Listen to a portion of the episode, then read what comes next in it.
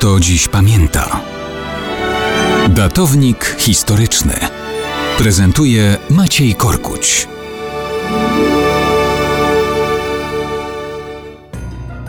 Mało kto dziś pamięta, że 29 stycznia 1853 roku odmieniło się życie Eugenii de Montijo. Urodziła się jako Eugenia Maria Ignacia Augustina Palafox de Guzman, Portocarrero i Kirkpatrick de Closeburn. Łączyła więc w sobie krew arystokratów hiszpańskich, stąd obfitość imion, oraz szkockich. Ojca Eugenii Marii Ignacji Augustiny Palafox de Guzman, Portocarrero i Kirkpatrick de Closeburn przedstawię w sposób skrócony. Był nim hrabia de Teba, don Cyprian Palafox de Guzman i Porto Carrero. Resztę imion pominę. Matka to Maria Manuela Kirkpatrick de Closeburn, której ojciec był szkockiego pochodzenia konsulem USA w Maladze.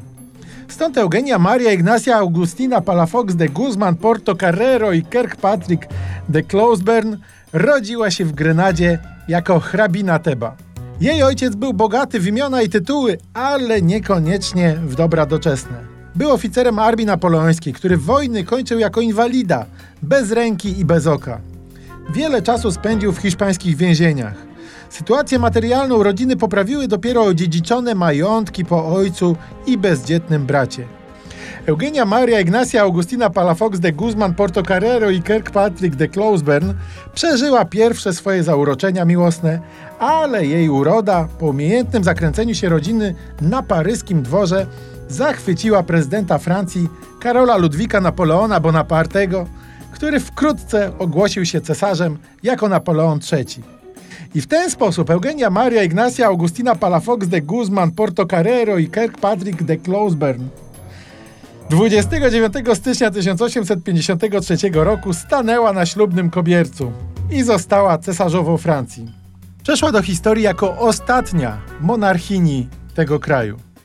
Nic dziwnego, że Francuzi na Eugenię Marii Ignacie Augustinę Palafox de Guzman, Portocarrero i Kirkpatrick de Closeburn faktycznie mówili po prostu cesarzowa Eugenia.